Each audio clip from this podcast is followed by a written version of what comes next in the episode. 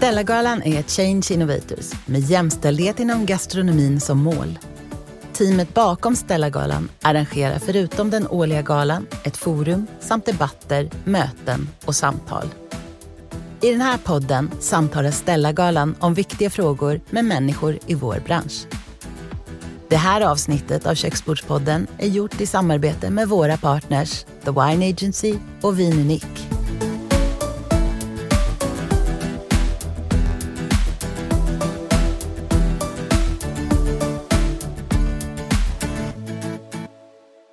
I dagens köksbordssamtal träffar jag Anette Rosvall, Ann Burgas från The Wine Agency och Linn Ljungqvist från Vin Unique. Det är två företag som har varit med från början och sponsrat Stellagalan. Och jag tänkte fråga först och främst, hur kommer det sig att ni valde att ställa upp och hjälpa oss i vårt arbete? Den här branschen som vi är i, även om vi är på dryckessidan, är ju fortfarande väldigt mansdominerad. Och till och från så händer det ju saker som gör att vi känner att vi måste finnas där, stå på barrikaderna och jobba framåtlutat. Och eh, när vi hörde talas om Stellagatan, Stellagatan, Stellagalan första gången så kände vi direkt att här vill vi vara med. Så det var egentligen inga frågetecken runt eh, skulle vi vara med eller inte. Vi skulle vara med. Mm.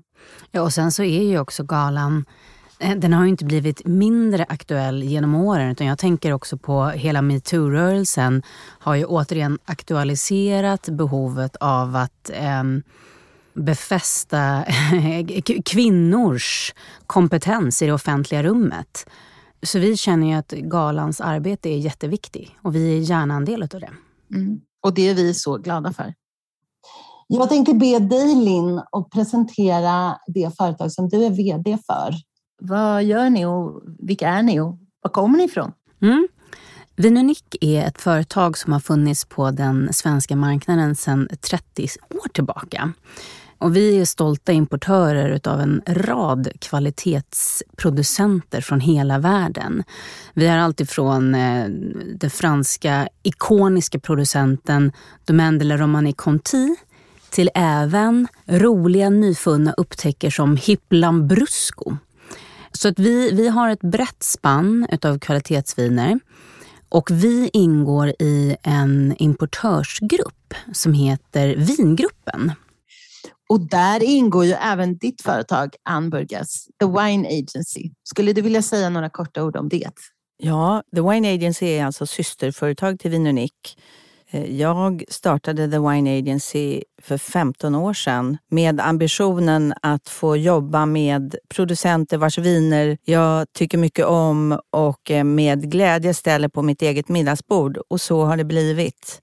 Jag och ett gäng duktiga produktchefer jobbar med idag med viner från hela världen. Och precis som Vin Unik och våra systerföretag i vingruppen så importerar vi, lagerhåller, marknadsför och säljer vin från hela världen. Mm. Och det är vi så glada för. Jag som har arbetat både i, ja mest med det skrivna ordet om vin, vet ju precis som ni säger att det är väldigt mansdominerat. Men jag ser ju också att det finns så sjukt många duktiga och kompetenta kvinnor i vår del av branschen. Hur gör ni för att liksom lyfta den frågan? Eller jobbar ni på specifika sätt för att se till att hjälpa dem fram? Vi lyfter de som vi tror på har kompetens oavsett mm. kön. Mm. Sen vet vi och ser vi, eftersom vi har varit med länge i branschen, att det finns väldigt många duktiga unga kvinnor, tjejer som blir sommelier och som har egna ambitioner. Och Det är klart att vi ser dem men det är ju framförallt tack vare deras kompetens. Precis, och det tror jag är viktigt att, att som kvinna då i en mansdominerad bransch att lita på sig själv, ha tilltro till det som jag kan och det jag vill förmedla. För då finns det inte utrymme kvar för att bli ifrågasatt. Mm. Det har ju varit en eh, diskussion i media om meriokrati och det där är ju typiskt ett sådant tankesätt att ta fram de som faktiskt har kompetens och som är unika i sitt sätt att tänka och då blir det ju enkelt. För det lättaste och bästa är ju när man har en balans. Ni två är ju kvinnor i ett företag som faktiskt då har plockat fram väldigt många kompetenta kvinnor och i ert företag så tror jag att jag har förstått att det är en övervägande majoritet i ledande positioner som är kvinnor. Har jag rätt där? Ja, det har du. Bra. Enkelt svar. Men hur känns det? Känner ni er själva som förebilder i er egna bransch? Ja, det vill jag nog påstå att vi känner oss som förebilder i vår egen roll men också för att vara med och, och stötta och lyfta och eh, uppmana unga kvinnliga kollegor i vår egen företagssfär men även utanför att våga ta steget och våga fråga och våga be om hjälp och stöttning när de har en idé eller en fundering runt sitt arbete eller sin karriär. Därför att det finns alltid, menar jag, erfarenhet och eh, stöd att tillgå om man bara visar att man vill. Ja, och sen så vi är ju också starka förespråkare av leading by example.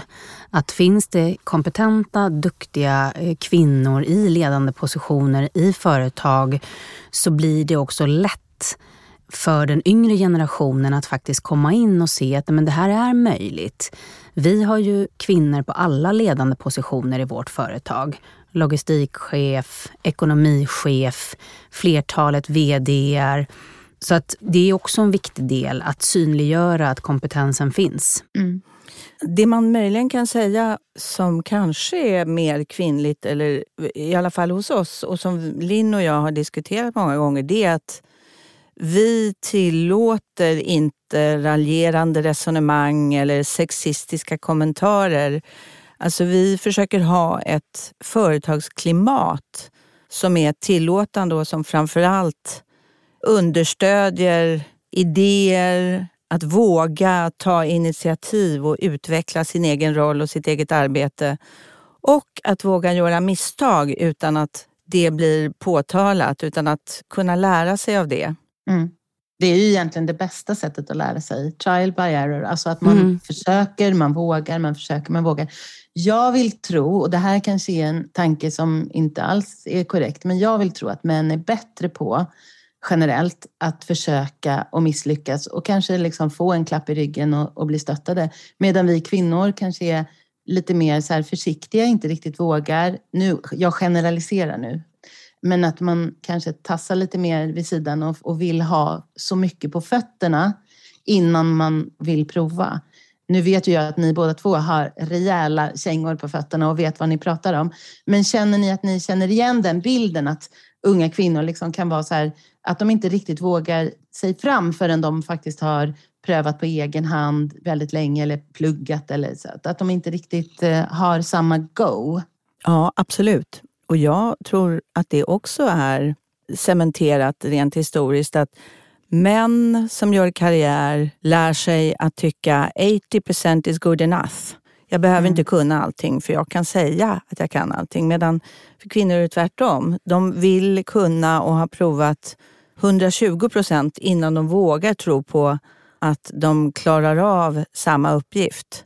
Mm. Och det där gapet mellan 80 och 120 procent, det, det är så talande för precis det du frågar om och beskriver Anette.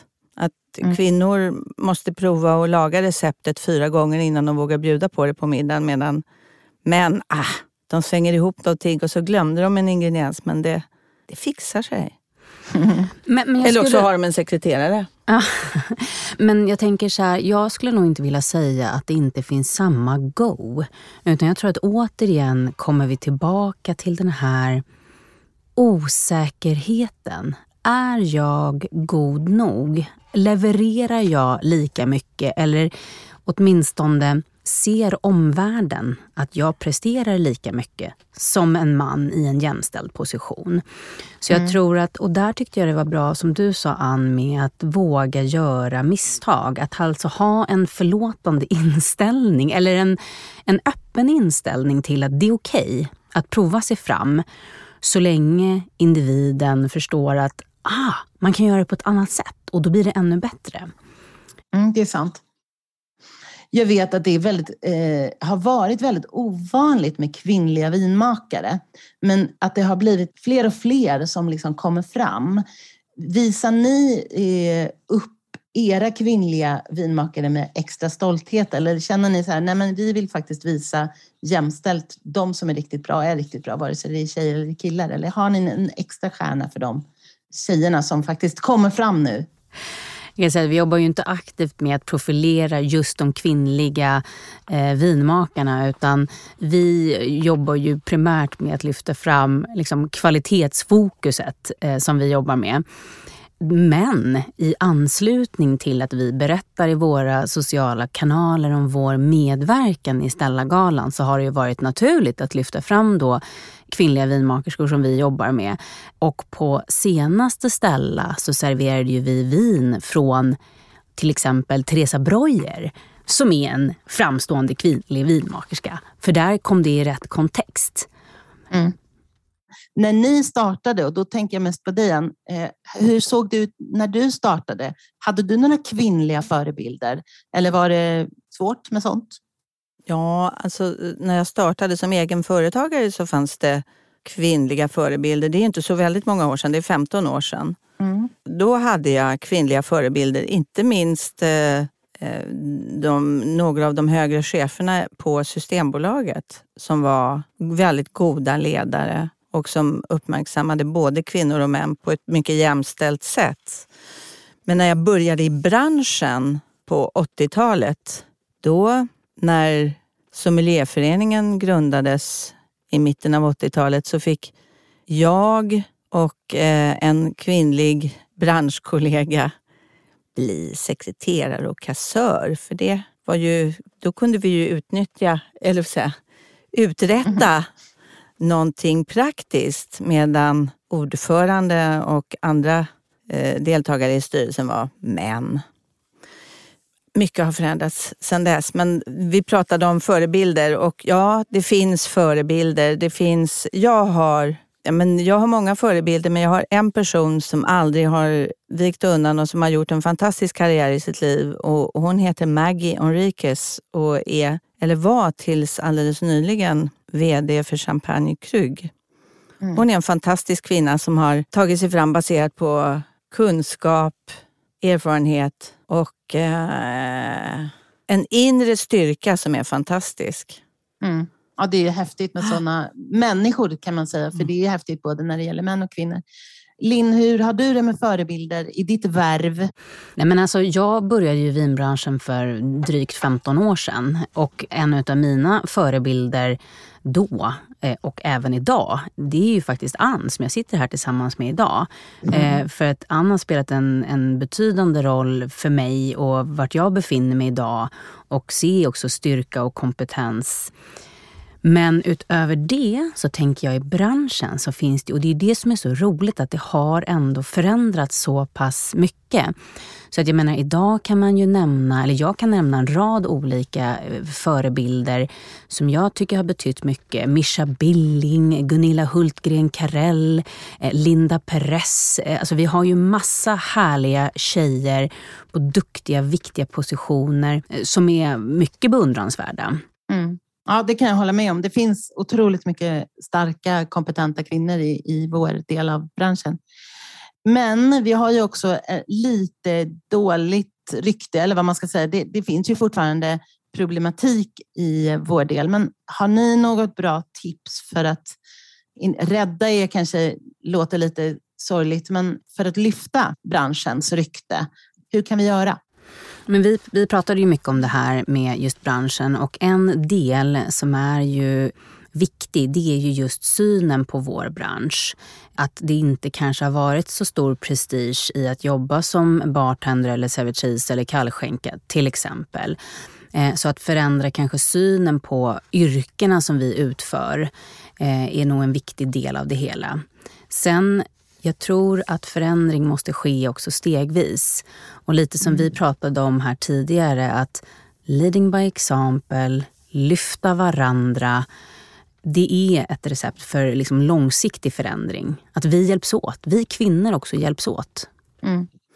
Och sen tror jag att man, som jag alltid säger, man får inte vara rädd för att be om hjälp, fråga, komma med synpunkter, söka eh, så att säga, stöd och eh, sina gelikar, både inom branschen men utanför. Men alltså våga liera sig på ett bra sätt för att mm.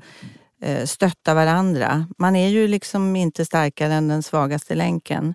Ja, men det tror jag är ett fantastiskt bra råd som vi gav. Vi eh, blev tillfrågade från den här gruppen kvinnor som gjorde den här artikeln i Svenska Dagbladet. Vad är ert bästa råd? Och då sa vi just precis det som du säger nu. Be om hjälp. Mm. mm. Jag tror att det är typ eh, ett av de viktigaste och kanske svåraste råden som man kan ta till sig. Jag tänkte bara fråga om ni har någonting att tillägga just i de två frågorna. Det förändringsarbetet som faktiskt pågår i branschen och hur man ska tänka med förebilder. Att vara förebild eller att se upp till någon. Vad, vad, har ni någon, någonting ni vill tillägga där?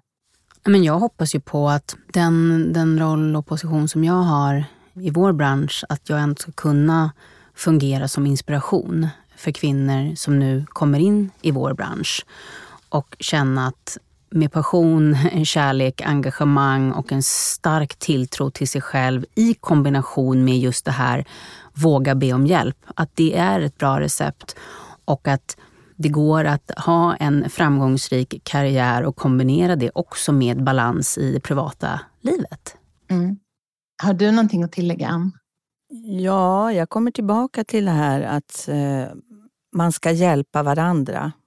Och att vara en förebild kan ju vara på många sätt. Men jag tror att, att det är viktigt att vi som är äldre i branschen, äldre kvinnor med erfarenheten, att vi, att vi bjuder in också. Att vi finns där och att vi visar för våra efterföljare och, och yngre förmågor med ambition att eh, vi gärna vill hjälpa till och stötta på alla sätt och vis. Och att vi finns där när man har funderingar och frågor eller när man har för den delen råkat ut för svåra situationer och behöver någon att bolla med hur man ska hantera situationer som kanske har just med ska vi säga, förtryck eller ojämlikhet att göra.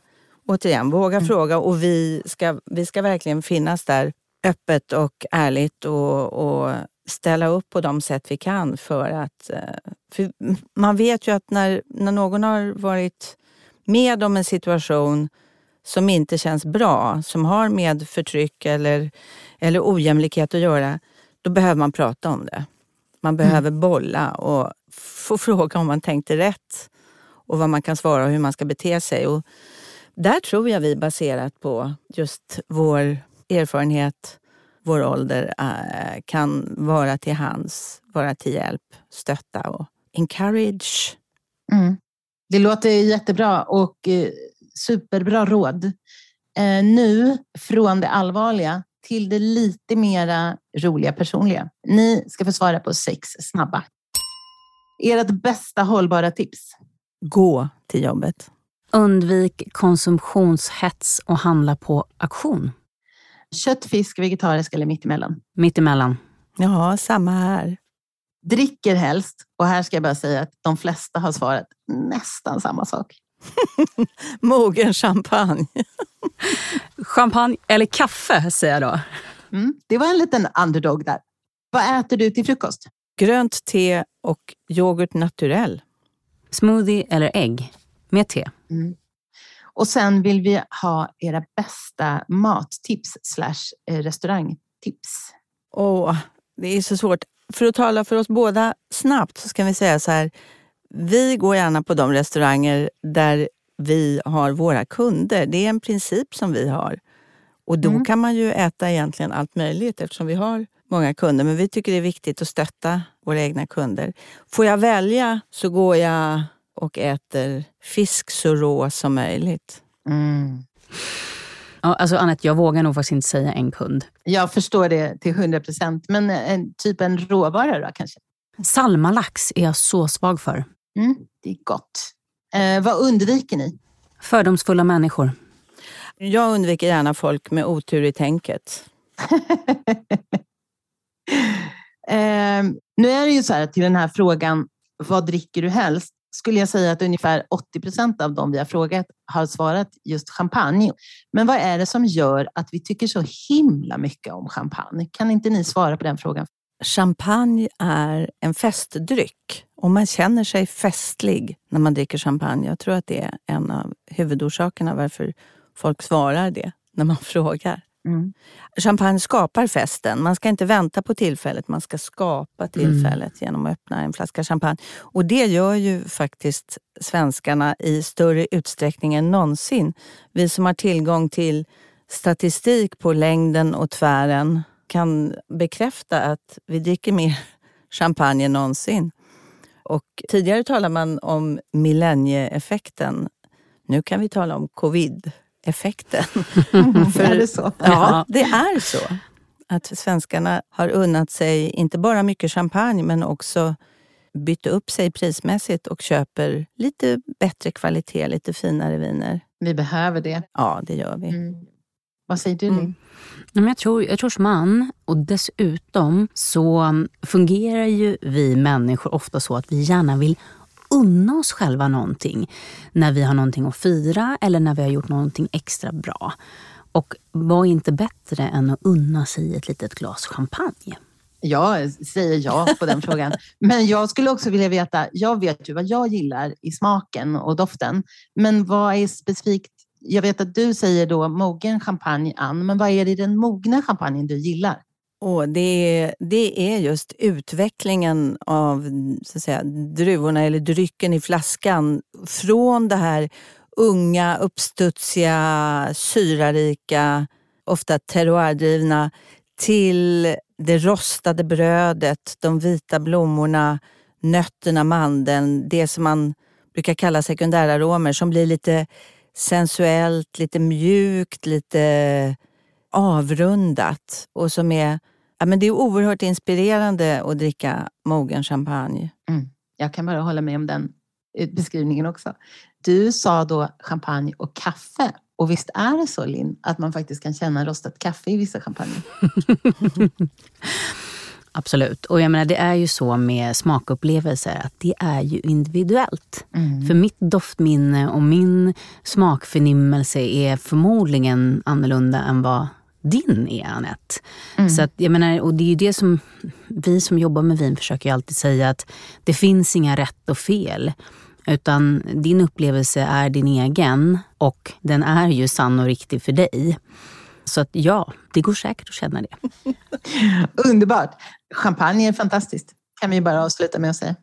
Uppa en fest med en rejäl puff. Mm. Och tidigare traditioner, man, man inledde festen med eh, tror att det kallades kejsargrogg, att man tog fem centiliter konjak och sen så fyllde man på glaset med champagne för att de där bubblorna skulle lite snabbare skapa festkänsla i kroppen och turboläge på festen med kortast möjliga sträcka. Det låter underbart.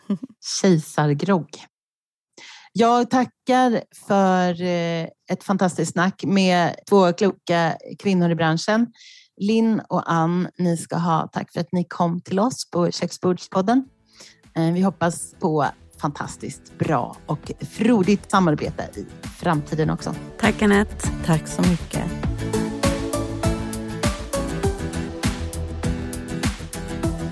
Vi tackar våra samarbetspartners Menigo, Werners Gourmetservice Personalkollen, Skånemejerier, HK Scan, Vin Unik, The Wine Agency, The Absolute Company, Svenskt Kött, Sundqvist och Visita.